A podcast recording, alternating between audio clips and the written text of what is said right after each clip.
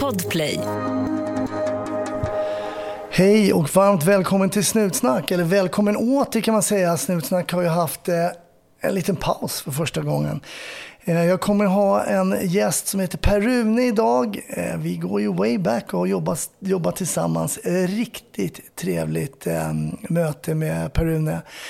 Är, vi satt och snackade så länge så det blir två avsnitt. Men du hör det första här nu med Per Rune och eh, vi börjar ju lite ja, från början egentligen. Och sen blir det bara mer och mer intressant. Som vanligt så du som är Patreon, du har ju fått eh, avsnittet tidigare och utan eh, reklam givetvis. Ja, vad var det jag sa? Jag sa väl eh, var försiktiga där ute och så hoppas jag givetvis att du får en riktigt trevlig lyssning.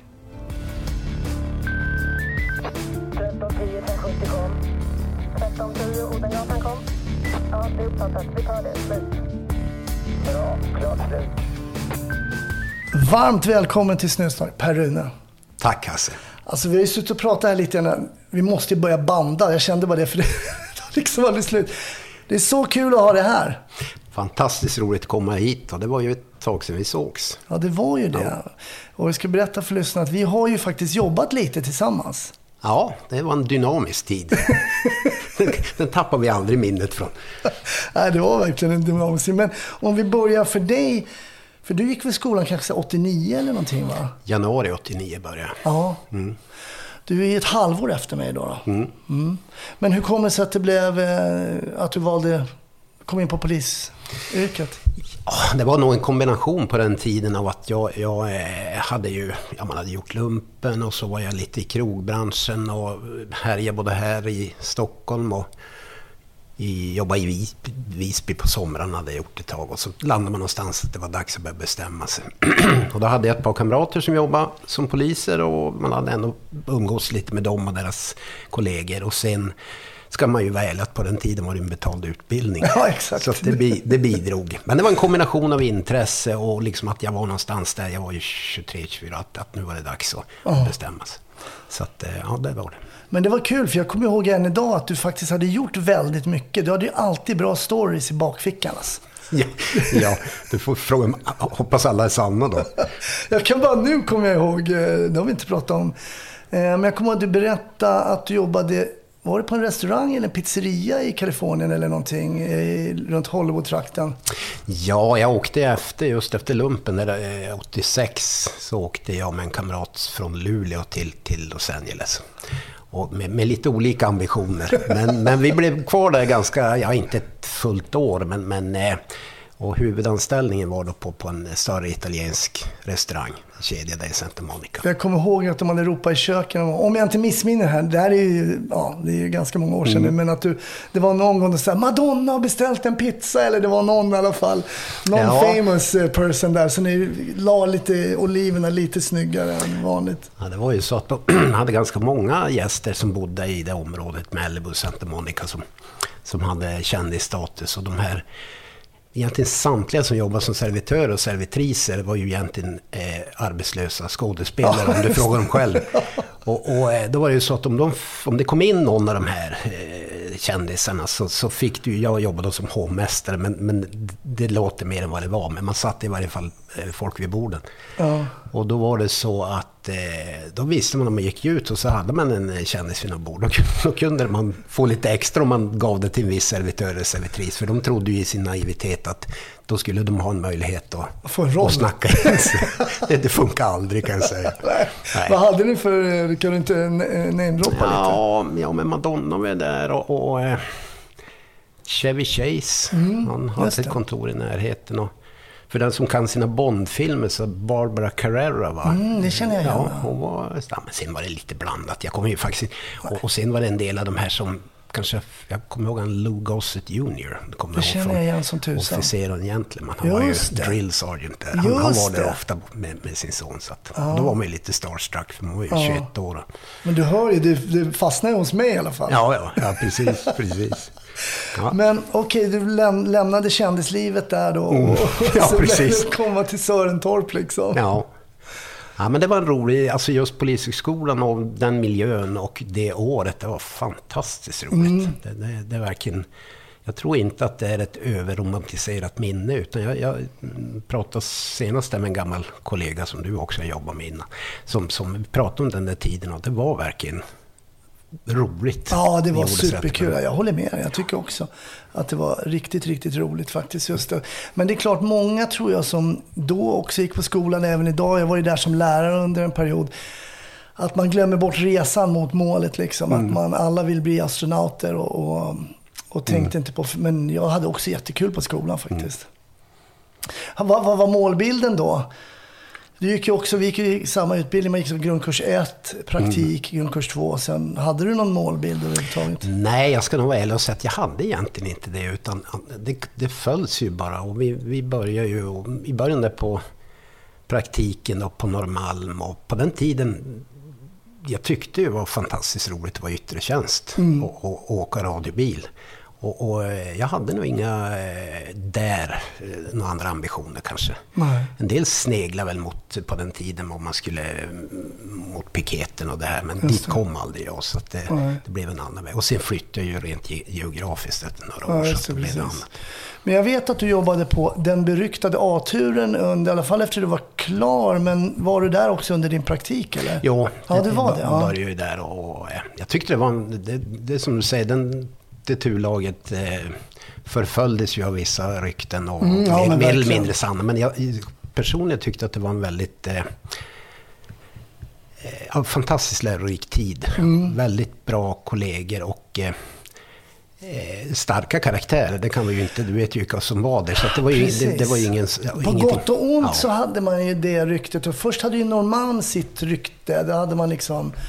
Eh, och sen så på Norrmalm så hade ju då A-turen eh, sitt rykte. Och det drog ju till sig, som du säger, starka karaktärer på gott och ont. En Ja. del var ju väldigt, väldigt, Väldigt på gott och en del var lite mer på...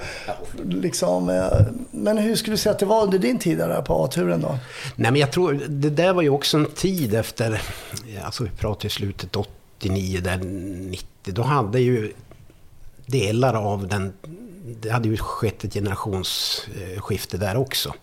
Men några var ju kvar av det de kallade då den gamla A-turen. Jag, jag tyckte det gav en stabilitet, det var ju väldigt rutinerade, det var ju liksom radiobilskonstaplar som, som, som var 40 år. Det, Ja, det ser du ju inte så ofta Nej, idag. nej, det finns inte. Eh, De, de, de satte med en cigg i käften och körde tre skift. Och, och, och, eh, ja, men det var, det, jag, jag tyckte på något sätt, och det är klart man kommer ju in, man, man har ingen förkunskap, det är det första man möter. Och, och, eh, men jag kan ju inte säga, för man möts ju ofta av den kommentaren när man, man säger att man jobbar på Norrmalm och på A-turen, att det, var, det var väl si eller så. Men jag, Ja, ja, absolut. Alltså. Absolut. eh, Det fanns som sagt en del eh, färgstarka karaktärer och en del kanske upplevdes lite offensiva. Men, men allt annat lika så... eh, Jag tyckte det var en väldigt bra miljö att fostra sig som polis. Jag lärde mig väldigt mycket och det var en fantastisk kamratskap. Och vi kom ju, du, du är ju samma årgång, också en tid där det var ganska mycket påfyllnad. Ja. Så under en period var det ju ett, ett, ett rätt skönt gäng. Ja, men absolut, absolut. Men sen var det ju så att vi kom ju faktiskt att jobba eh, tillsammans. Och Det var ju så, det fanns ju en, en skön karaktär på Norrmalm som även var med på Norrmalm när det låg uppe på um, Regeringsgatan låg det ju på den tiden som hette Affe Ärlig. Jajamän. Han har också varit gäst här i podden. Ja. Eh, och en riktigt härlig eh, gammal eh, sån. Eh, han började ju bli lite till åren då såklart redan då. När vi, eh, när vi, men han, han var en sån kvarterare, gammal kvarterare. Han ville ju att det skulle finnas poliser nere på Plattan. Mm. Jajamän. Och det var ju eh, en given tanke tycker man ju. Och det kan man ju titta även idag. Så här, borde det inte finnas polisstationer där det är mycket trubbel? Han satte ju upp först den här Hultstugan. Jajamän. Det var ju Mats Hult. Ja, han var ju finansborgarråd i Stockholm, men den brann ju ner på en natt tror jag. Men sen fick han upp något som hette Muttern kallades för. Det var som en kafébyggnad ovan jord och nedanför vid SLs info där så var det ju en liten polisstation. Ja. Och där kom vi att, där var vi och fotpatrullerade bara. ja. det, där var en, det där var en eh, också en väldigt dynamisk tid. Eh, vi var ju, vad var vi, sex? Var sex man eller Sex man och så Ja. som chef. Och, och även det var ju en färgstark eh, eh, samling, sådana som du då. Alltså jag räknar inte in mig själv i den Jo du. Nej. Men det, det var, eh, och jag vet, du kommer ihåg, det möttes ju i början ganska mycket skepsis Ja, av, av andra kollegor, lite äldre kollegor. Och även av ledningen, ledningen. till viss del där. Att vi fick inte ha baseballkepsar till exempel om Nej. vi skulle gå Nej. civilt. Som om det skulle vara grejen. Då. Men, Ja. Nej, men och så var det ju lite grann på den tiden då. Vi jobbade ju mycket i uniform mot narkotikan.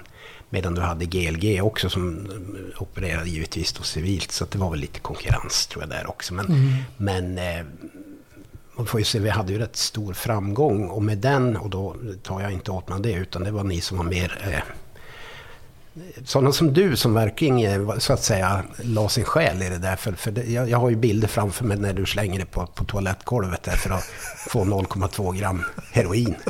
Kan tänker, det ha varit så illa? ja. Ja. Så att, eh, men, men det var... Jag var det inte så där jättelänge. Jag, jag gillar kamratskapen men jag tyckte det var en väldigt tung miljö att jobba i. Ett poddtips från Podplay. I fallen jag aldrig glömmer djupdyker Hasse Aro i arbetet bakom några av Sveriges mest uppseendeväckande brottsutredningar.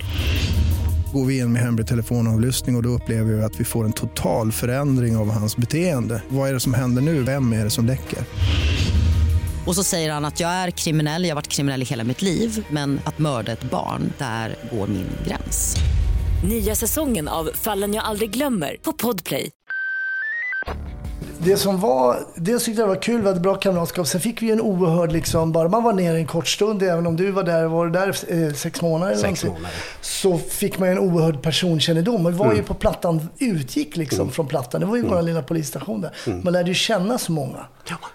Nej men det var det och det- fanns ju, man kan ju säga så här idag när man har ett, ett bredare eller ett längre livsperspektiv att man, när man mötte de här trasiga själarna som vandrar omkring det. För det var ju en del i både det som man idag kan värdesätta men det som var tungt det var ju att 99% av alla möten du hade var ju antingen med missbrukare eller de som sålde till dem. Ja. Så det var ju sällan du träffade så att säga vanligt folk. Nej men så var det. Eh, Så antingen var det ju konflikt eller så var det misär. Ja.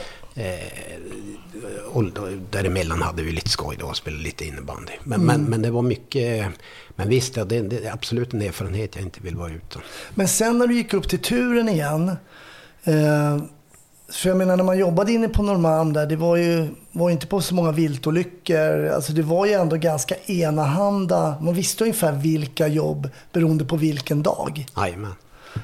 Men det var Åhléns, de ringde på radion. så Åhléns sju stycken visste man det var sju snattare liksom. Ja.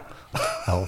Det, det åker de inte på inte längre. Nej. Var, Nej. det är Nej. han eh, arga snattaren bara som de kör. Är han, vad heter han? Övergård. Just det. Nej, men, eh, och sen på helgerna visste man att ja, fram till den tiden då är det så, sen stänger de krogarna, då blir det så och så Mm. blir det stök och så här. Man kunde ju liksom. Jajamän. Ja, det var ju en del, jag brukar säga så här, sen gick, eh, flyttade jag då från Stockholm upp till, till Skellefteå och det var ju sån här mellanstorlek då. Men många brukar ju säga som jobbar ute på landsbygd och de får gärna mm, tycka annorlunda men att om man jobbar i en storstad så blir det väldigt enahanda och enkelspårig. Men jag vet inte om jag riktigt håller med om det för att det händer så mycket mer. Eh, sen, sen åker du på andra typer av jobb. Det fick jag erfara när jag kom upp till Skellefteå. För det var, det var liksom en, en annan... eh, Var det ett annat jobb eller? Ja, kanske inte ett annat jobb, men det, men det var verkligen eh, ett, ett, eh, annorlunda jä- jämfört med, med eh, Norrmalm då. Ja. Eh, på många sätt kan man säga. Men när du säger att du inte håller med om att det var eh, riktigt enahanda då, hur skulle du vilja hur skulle, du hur skulle du vilja döda det påståendet då? Ja, men om man säger så här. Jag, jag förstår argumenten eh, utifrån att man, eh, när man jobbar ute i mellan storstad eller ett mindre eller ett större, vad ska vi säga, geografiskt område. Att du åker ju på, på, på kanske mer större variation på jobb. Men frekvensen kanske inte är så hög. Och jag tyckte man jobbar du i Stockholms city så händer det ju väldigt mycket hela tiden. Av väldigt olika karaktär. Sen att du kanske inte, men jag, man åkte till och med, jag har ju klart minne om ute på Djurgården på, på vilt, viltolyckor. Och, Ja, det och- var på viltolycka? Jajamän. Nej, jag var aldrig på någon viltolycka. eh, så att, men givetvis skämt åsido, det, det, det är ju helt annan karaktär. Men, men just frekvensen på jobb i en, i en storstad gör ju att du blir, du får ju rutin fort. Ja, och det är ju fantastiskt för en nybliven konstapel Mm. att komma in och få ha så mycket jobb. För man vill ju jobba hela tiden. I alla fall, det var ju, man ville ju bara ha jobb, jobb, jobb. Det var ju trist man bara, fasen ingen jobb liksom. Nej.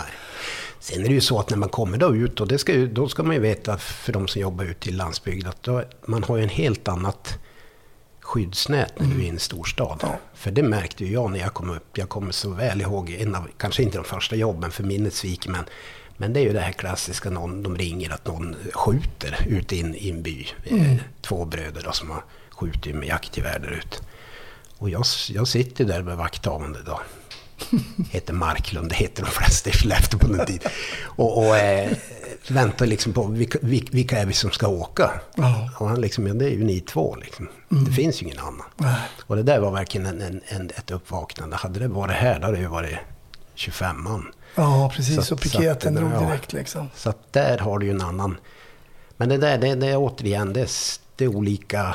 eh, Jobbet är ju detsamma, men, men, men karaktären kan ju skifta. Men kände du, jag tänker på det här, bara den här liksom, det verbala liksom, eh, när du- approachen.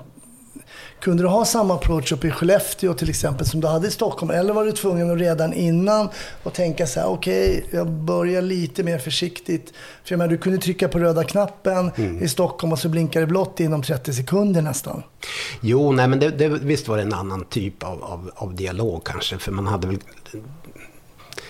vad ska vi säga, kortare svarstider i Stockholm om man säger så. Det, det var väl liksom, eh, där fick du ha lite mer tålamod. Om det nu var den typen av, av jobb där du skulle lösa en potentiell eh, blivande våldsam situation. Du kunde ju inte bara köra på så visste du att det kom några. Så. var lite mer taktisk.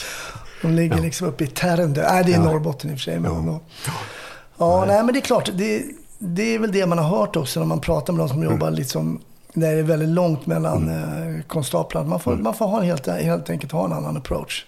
Och då ska man ju vara medveten om, det är ju svårt att jämföra i tid, det här är ju uppenbart ett antal år sedan, vi- milt uttryckt. Ja. Så att i, idag med den, den utsatthet och, och eh, bara tillgången och förekomsten av vapen som är idag, det är en helt annan miljö att jobba i för de som är ute nu. Det, och det är man ju ödmjukt medveten om. Så att, att det, det var ju enklare på det sättet då. Eh, man, man behövde ju inte ta kanske alltid den hänsynen. Nej. Och sen så det som var lite unikt då på den tiden när vi jobbade där, det var ju det att man hade sitt turlag, man hade sin piket. Eh, alltså piketgruppen fanns ju i turlaget. Det var ju alltid samma piketpoliser som spöade en på innebandyn. Det var inte så att man bytte ut. Så man hade den här kontakten med piketen hela tiden. Man kunde höra av sig till din piketchef så att säga i din tur. Det tyckte jag var, jag tyckte det var så bra. Vi var alltid samma i turlaget. Nu verkar det vara huller om buller allting. Jo, det är ju på ett helt annat sätt. Och, och, eh, jag tror väl idag, man, eh, jag, eh, vi pratade innan lite grann om våra höga blodtryck, att det hade nog varit, varit svårt om man skulle hantera det. Jag, jag beundrar de, de som är, jag har själv en son som är i yttre tjänst i centrala Göteborg och gör treskift och, och eh, eh, ja, de gör ett fantastiskt bra jobb idag. Eh, och hantera den miljön som är idag. Ja, men verkligen. För jag menar, det var någon som frågade hur många skjutningar var det på? Ah, jag var på en skjutning egentligen, en, om man säger en riktig skjutning där en person blev skjuten. Ehm, men sen var det en gång in i stan där det var någon hade avlossat ett vapen. Det var liksom, men det var ungefär det som Ja. hände för mig. Nu skjuts det ju kors och tvärs här hela tiden. Så det är, det är en helt annan, eh, helt annan eh, våldsbild liksom. Ja, taktiskt eh, givetvis så, så måste man agera på ett annat sätt. Jag tyckte vi var ganska drillade på den tiden, men den, den tidens mått mätt. Men, men Ja, eh, man tyckte allt ju är det. relativt. Alltså. Men eh, jag vet inte. Nej. Vi visade någon bild där när man stod där i den där fina ljusa skjortan med Ja, kopplet över axeln. Ja, liksom. ja, Det, ja, ja. det var ju den utrustningen vi hade ungefär. Hade du Valten också i början? Ja, det var Walter. Jajamän. Mm. Och det var ju då det största lyftet man hade haft i modern tid när man fick byta till, till ciggen när den Ja. kom. Och då kände man sig, det var viktigt just då kan man säga. Alltså då blev man ju cowboy på riktigt Ja, alltså. Sheriff blev man ju. ja. När man Nej, det, var, det, var var, det riktigt- var stort. Ja, det var det faktiskt. Jag kommer ihåg, vi hade lite eh, Sig Sauer-komplex här, några. Vi hade liksom den där valten i ett sånt där nästan Sig Sauer-hölster Mm. på sidan. Jajamän. Även jag. Ja, Okej, även du. Men sen så eh, sen fick man byta upp sig. Men okej, så hur många år var du inne i stan då, i Stockholm? Nej men det blev ju ingen... Jag, jag slutade där 94 så det är ju, efter man var klar, det var ju egentligen bara ett par år. Nu kommer jag ihåg ett annat roligt minne som vi har, där vi faktiskt också jobbade tillsammans. Jaha. Inte på Citygruppen. Hur ska det gå? Ja, EM just det. 92. Då var vi i samma Mm. piketgrupp. Mm. Vi var i någon Förstärknings- ja, piket, förstärkningspiketen Ja. där ja. Och eh, det var ju en sån så kallad kommendering som det heter på polisspråk. Ja. Då, liksom, för det där stora, det skulle ju vara EM i, i fotboll Mm. och, i Sverige. Och det var ju jäkla roligt alltså. Vi åkte runt där och fick hamburgare och satt på någon slänt och sen Mm. var det kravaller vid Hötorgsskraporna och sen fick vi vila igen. Mm. Ja men det var, det var ett skönt gäng även Verkligen. där. Och, och utbildning där innan den... Jag kan fortfarande fascineras. Vi kommer ihåg att vi övade Ågesta kärnkraftverk. Mm. Och fast rakt ner i reaktorhålet utan skydds... eh, Man tänkte det tror jag inte man får göra idag. Om man missar det på en slag ihjäl sig. Alltså det var så mycket konstiga grejer Ja. man gjorde. Jag kommer vi kastade ju sådana molotovs va, bakom så att vi började brinna också. Ja. Man hade någon här, ja. Ja, nej, det var väl tänkt då att, att eh, eventuellt engelsmän skulle kapa en Finlandsfärja. Det, det var ju något Ja, var något scenario. scenario? Okej. Och så skulle vi då med helikopter med fast rope ner på Finlandsfärjan. Så man, man hade högt adrenalin, men det blev, det blev ju inte Alltså så. idag, jag kan inte ens föreställa mig att jag har gjort det här för att Alba, min lilla dotter, hon är fyra år. Vi går och klättrar här på klätterverket som Mm. ligger en bit bort. Alltså jag har blivit så jävla höjdrädd alltså. Jag var inte höjdrädd då. Nerför det där rep. Jag kommer inte Mm. ihåg att jag... Det är klart att man hade respekt för att tänka sig, ja jag släpper jag nu så är det inte bra. Men nu får jag ju puls om jag går ut på balkongen här. Ja, jag kan säga, jag är nog ännu värre. Jag, en av dina tidigare gäster här i podden, Ulf Allberg, han hade Ja. en svensexa en gång och då var vi på en sån här höjd, höghöjdsbana. Ja. eh, en bit ifrån där. Och jag, jag skämtar inte, jag var på den här barn... Alltså det är en meter ovan. För jag, jag, jag fixade inte det. Jag var på väg upp i de här, men, men det var, jag, jag upplevde det så fruktansvärt obehagligt. Ja. Så att... eh, Så jag klättrade då med någon yngre farsa här. Och han drar ju upp hela vägen och sen är ju sådana här automatsäkringar så att du klättrar hela vägen och så har du säkrat upp det i din sele. Så släpper du bara. Ja, just det. Nej, du vet, jag var ju där uppe vid, vid taket och tänkte, men tänk om jag skiter... ja, för det var enda sättet att komma ner. Men sen märker jag när, när jag klättrar några gånger, då kan jag gå upp högre och högre. Men så nu var vi där igen i helgen. Då kunde jag bara klättra till halva liksom. Nej, Nej, det är åldern. Ja, det är klart det är. Det är klart det. Man vill bara leva något år till. Något år till. Man tar ett år i taget bara. Så. Ja. Ett poddtips från Podplay. I fallen jag aldrig glömmer djupdyker Hasse Aro i arbetet bakom några av Sveriges mest uppseendeväckande brottsutredningar. Går vi in med hemlig telefonavlyssning och, och då upplever vi att vi får en total förändring av hans beteende. Vad är det som händer nu? Vem är det som läcker? Och så säger han att jag är kriminell, jag har varit kriminell i hela mitt liv men att mörda ett barn, där går min gräns. Nya säsongen av Fallen jag aldrig glömmer på Podplay. Ja, det var roligt. Alltså, kommer du ihåg när vi sprang där mellan Hötorgs? Det, kom ju nå- det var nog engelska huliganer det- eller någonting. Det var jäkla... Ska vi vara ärliga så var det så att det var ganska upphaussat innan. Så för, om man säger vi var ju unga och dumma då. Eh, vi hade ju ganska höga förväntningar på, på eller hur man ska uttrycka sig korrekt. Att, att det skulle hända lite. Men, men eh, det var ju rätt lugnt ändå. Det var ju det. Det var ju först där, jag vet på Råsunda, där brakade ju loss på Det var Engelsmatchen, ja. ja. Mm. Då stod vi ju Då stod vi ju bakom. bakom där och hejade. Det var ju inte så populärt. Nej, det var ju inte det. För de Så- gjorde ju två. Det var ju... Ja. Mm. Först var det ju Brolin, var den där snurrgrejen. Eller den där när de... Och sen var det väl en backen där, Eriksson hette han. Ja, just det. Ja, du har minne du. Ja. Ja, och då stod vi och hejade bakom de där värsta ligistklassade engelsmännen. Ja. Ja, men det var skoj. Det var, det var en rolig eh, kommendering. Det är faktiskt det är nog enda gången så här som jag kommer ihåg att jag så här sopar på folk verkligen med en Mm. batong. Alltså när de kom mellan de där eh, skys, eller höghusen där i Hötorget. Då kom de ju... De kom ju typ 100 pers och vi, vad var vi i vår grupp? Åtta eller vad var Ja. det? Och vi bara skrek och då vände de. Det hade de inte gjort idag. Nej, men vi hade nog så mycket uppdämt. Och sen kom Björn Eriksson, kom, vi hade gripit folk på Sveavägen. De satt upptryckta mot SPIS, hade ju sin Ja, resebyrå Ja, där. Och så kom Björn Eriksson som då var dåvarande rikspolischefen och kom och klappade oss Ja. på axeln. Bra jobbat, Bra. det är bra, bra jobbat, bra jobbat. Så var det en kille som kissade på sig. Så det kom liksom en, det liksom kom en liten stril med urin ner för trottoaren. Är det någon som har pissat? Skulle ställa sig upp, då var det de där. Nej, nu sitter du ner. Sitta. Ja, Ja, var en annan tid. allt det där är ju preskriberat. Ja. Ja, men det, det var en, en rolig kommendering, kommer jag ihåg. Vi åkte runt i den här bussen och många rövarhistorier som... Mm. Eh, Ja, det är ju, man, kan, man kan säga sen, när man sen, som jag har gjort, gått vidare i arbetslivet och från det man, kanske handlingarna i förväg, lämnat polisen och den, det kollektivet, det är ju det man, ja. jag har saknat över Ja. tid, så att säga. Men nu kan, man- nu kan man ju alltid drömma sig tillbaka till eh, den tiden, då var man ju som sagt både ung och, men, men, men det var, det var väldigt roligt och väldigt roliga människor. Ja. Och, och det skapades otroligt mycket, det var mycket skratt. ja, det var det Mm. verkligen alltså. Och det, det, det, det är samma för mig när folk säger, saknar det? Nej, men inte arbetsuppgifterna speciellt mycket, men jag saknar Mm. det här, äh, det som i pressen kallas för kåranda, som ska vara någonting negativt. Har ju för mig alltid varit någonting väldigt roligt Mm. Ja. och, och positivt. Och finns alltid en förståelse mellan poliser eller, och ex- ex-poliser kanske, för man Mm. vet vad jobbet innebär. Liksom. Precis. Men sen blev det Skellefteå. Varför blev det det? Man kan ju höra på din dialekt att du inte är stockholmare. Nej, jag kommer ju från Arvidsjaur från början. Men det, det, alltså att vi flyttade, vår dotter föddes i, i, eh, här i Stockholm på Huddinge sjukhus 93. Och sen eh, min dåvarande fru jobbade som sjuksyrra här i Stockholm. Och det var nog egentligen, om jag ska vara ärlig, en trygghetsgrej.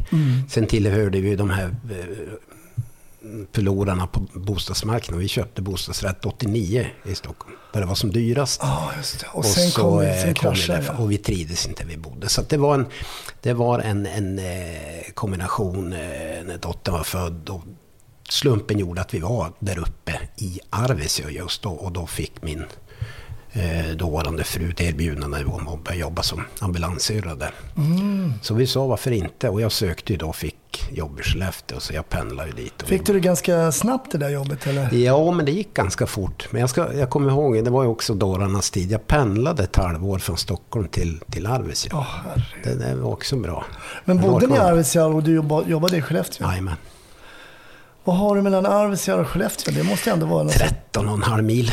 Men det var ju sådana här tre skift som var väldigt komprimerat. Så man sov över mellan passen och så Ja, okej. hade man ju tre fridagar. Men det var slitigt. Det var ju en småbarn och, och skiftgång och hus och vedeldning och snöskottning och Fyrhjuling.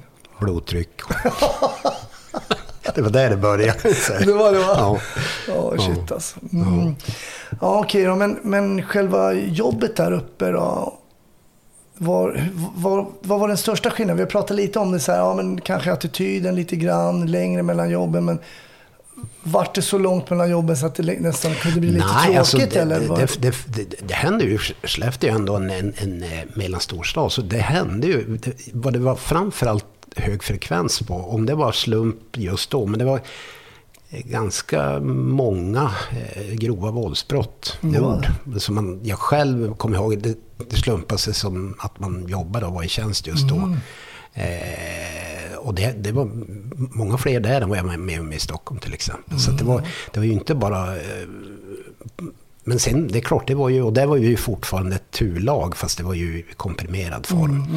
Så att det var ju... Det, det var ändå ganska varierat, så att säga. Men där dök ju de här älgjaktsdispyterna in i, i arbetsbeskrivningen. Och det kan jag säga, där var man inte speciellt kaxig.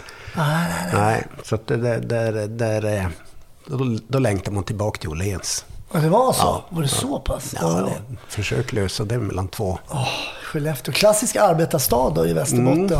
Ja, de, de eh, ja, nu har de ju ett fantastiskt uppsving med, med, Med är- batterigrejen ja, där, va? Ja, så att nu, nu är det en gammal kamrat där som är med om det nu heter polisområdeschef, eller jag vet inte vad de, mm, titulaturen är, men, men eh, så många har ju varit kvar där och väldigt duktiga poliser. Också väldigt goda minnen från den tiden. Det, det, och där var det också mycket roliga grejer som hände. Så, så är det ju alltid i, Ja, i polisyrket. Så det, det var en, en, eh, den enda gången jag fått stryk som polis. Ja, det var ju skevt helt ja. enkelt. Den, den, eh, Vad var, vad var det för händelse då? När Nej, fick det, var, det var två eh, gentlemän som, som hade kommit ihop som en, eh, eh, ett gäng motorburen ungdom. Nu, ska jag ju eh, vara korrekt där. Och de här två då som, som eh, vi tyckte att vi räddade ur det där klistret. De, den ena han, eh, han bara nitade mig rak höger. Alltså, Ja, han hade ingen vettig förklaring till det efteråt, men, men han såg väl sin chans och det blev rejält. Gick du i backen, liksom? Ja, jag gick i backen. Och sen tog de med den här gamla tunga radion, slet de av min kollega och, och höll i antennen och så vevade de på. Så det blev ganska bra. så du fick rätt kraftiga skador där? Nej, inte, nej det, jag ska inte överdriva. Det, det var, men det, man blir ju mest eh, paff. Och dessutom var det vinter och, och det var då jag lärde mig att man ska ha antingen brodda på skorna eller man ska ha dubbade dojor. För, för då åkte man omkring där och, och sen... Men det mesta och bästa minnet av det, det, det var ju inget roligt i sak, men de här blev ju dömda då. Eh, Och så tilldömdes ett skadestånd. Jag kommer inte det var liksom 500 kronor eller 1000, det, var liksom ingenting. Men de kom in och betalade kontant på polisstation. Det, fan. det var lite otippat. Jag har blivit tilldömd, jag har aldrig fått en spänn alltså. Nej, nej de kom in och betalade cash. Så att, eh, det var ju bara att tacka. Jaha. Så Det var att, ju eh, lite ovanligt. Ja. Nej men Skellefteå, det, det var fyra år.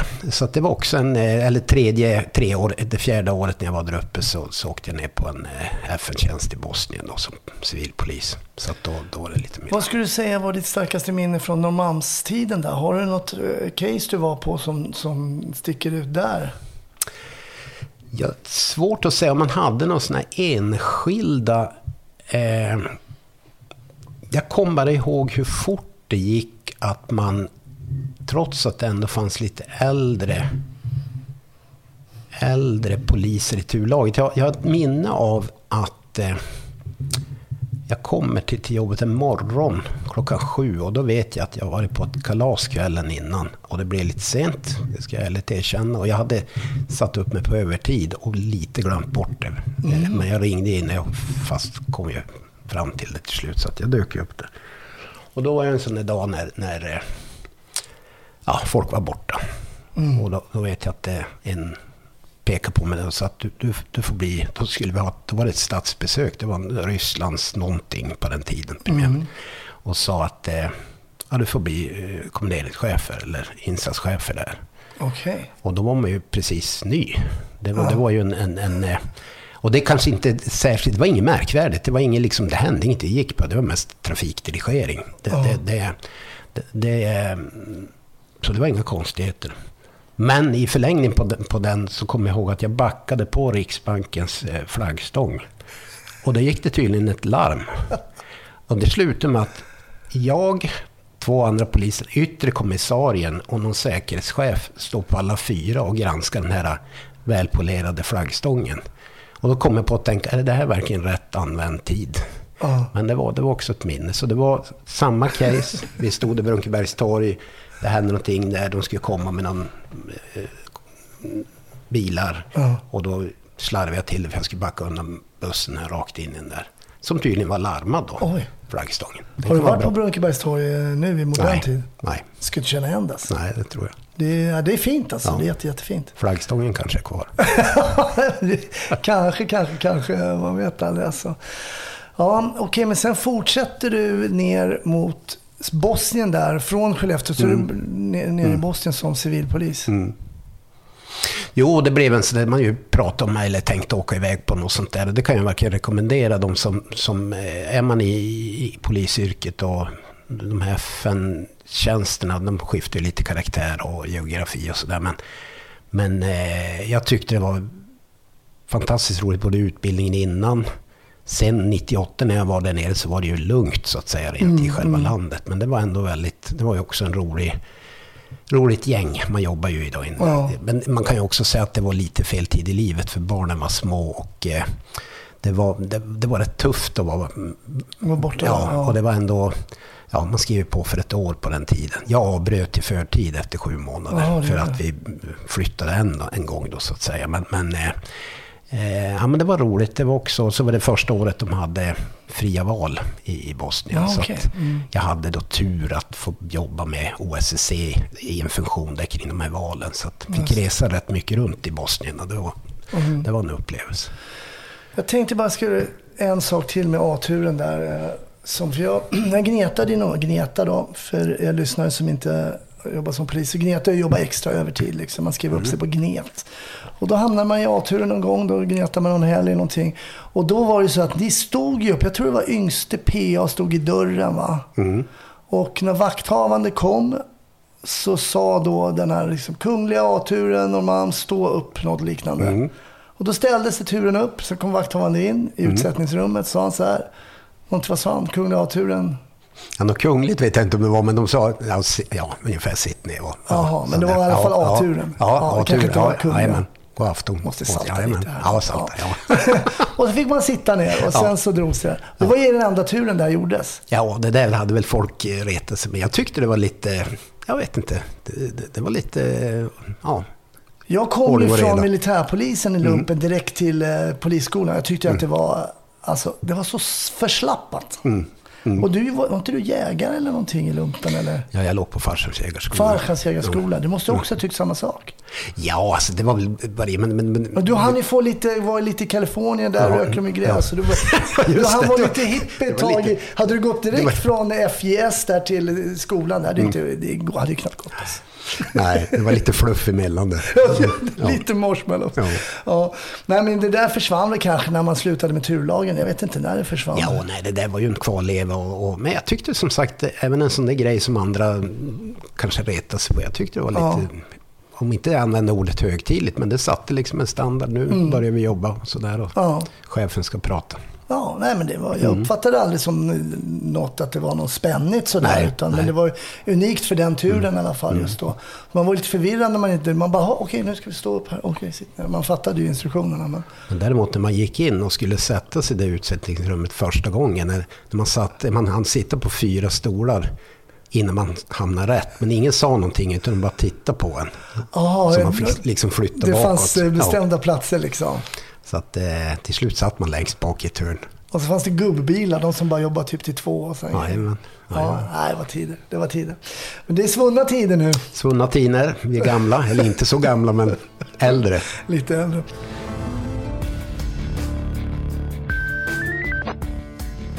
Sådär, första avsnittet med Per-Rune över. Och jag förstår, när kommer nästa? Ganska snart. Håll ut. Ehm, Per-Rune har varit med om många intressanta saker och eh, med en liten bonus på slutet där också. Så ehm, vi, hörs, eh, vi hörs nästa avsnitt med Per-Rune. Hej!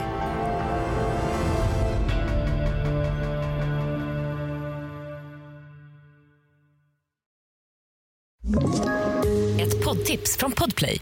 I podden Något Kaiko garanterar östgötarna Brutti och jag, Davva, dig en stor dos skratt. Där följer jag pladask för köttätandet igen. Man är lite som en jävla vampyr. Man har fått lite blodsmak och då måste man ha mer. Udda spaningar, fängslande anekdoter och en och annan arg rant. Jag måste ha mitt kaffe på morgonen för annars är jag ingen trevlig människa. Då är du ingen trevlig människa, punkt. Något Kaiko, hör du på Podplay. Därför är gardinerna.